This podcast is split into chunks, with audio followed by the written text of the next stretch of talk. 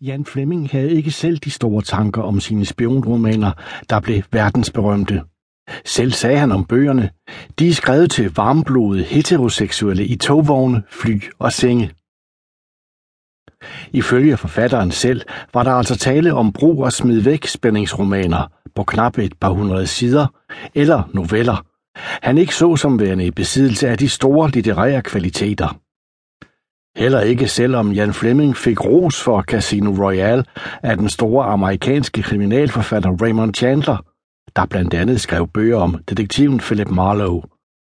Den anerkendte britiske forfatter Anthony Burgess tog også Goldfinger med på sin liste over de 99 bedste britiske romaner i årene fra 1939 til 1983. Jan Fleming er ikke nogen dårlig forfatter. Han er respekteret for sine beskrivelser af James Bonds smag. Der er for eksempel ofte lange passager om, hvad Bond spiser. Det berømte parti golf i Goldfinger fylder adskillige sider i bogen, og det er fyldt med sine detaljer. Fleming er også god til at beskrive spillet og de intellektuelle dueller mellem helten og skurken som en slags skakspil. I Bond-filmene er der ganske vist rigeligt med stuntscener og slåskampe, men det er ofte kampen mellem superskurkens hjerne og Bonds snedighed, der fascinerer mest. I 2014 blev alle Jan Flemings bøger i øvrigt genudgivet på dansk af forlaget Rosenkilde og Bahnhof i 14 bind. Så nu er der om sider igen mulighed for selv at vurdere sagen på dansk hos enten boghandlere eller på biblioteket. Bøgerne er værd at kigge nærmere på, også for deres grundige forord af bondolog Rasmus Påske Larsen. Alt i alt er der i dag 37 bondhistorier i bogform, skrevet af seks forskellige forfattere, fordi boet efter Jan Flemming har givet lov til at føre arven videre. Spionhistorien over alle spionhistorier. Jan Fleming blev født i 1908 af rige forældre, og han var en ægte britisk levemand, der kunne lide sin gin og tonic i en velvoksen størrelse. Han døde i 1964 i en alder af kun 56 år. Inden da havde den farverige bohemeskikkelse med det skrøbelige helbred sat et gigantisk aftryk på populærkulturen.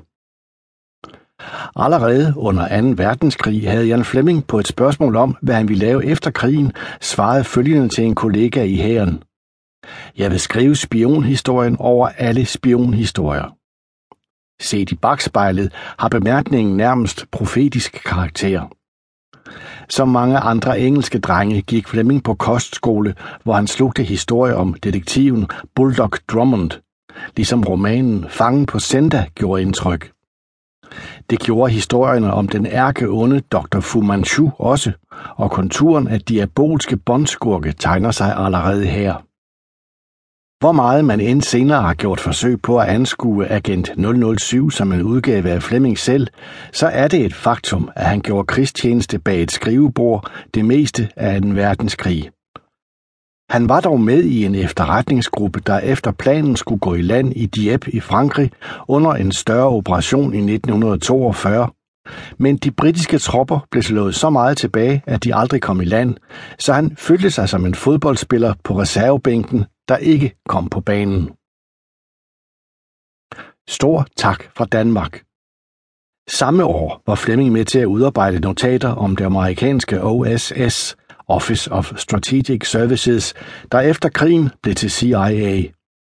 En begivenhed, han senere nævnte ofte, men hvad hans bidrag gik ud på, er en smule uklart. Sammenlagt må man sige, at bondskikkelsen er baseret på nogle af de jagttagelser, som Fleming gjorde sig under krigen, og er den slags agent, som han selv dagdrømte om at være. Dog er der en pussy dansk fodnote til Jan Flemings indsats under 2. verdenskrig.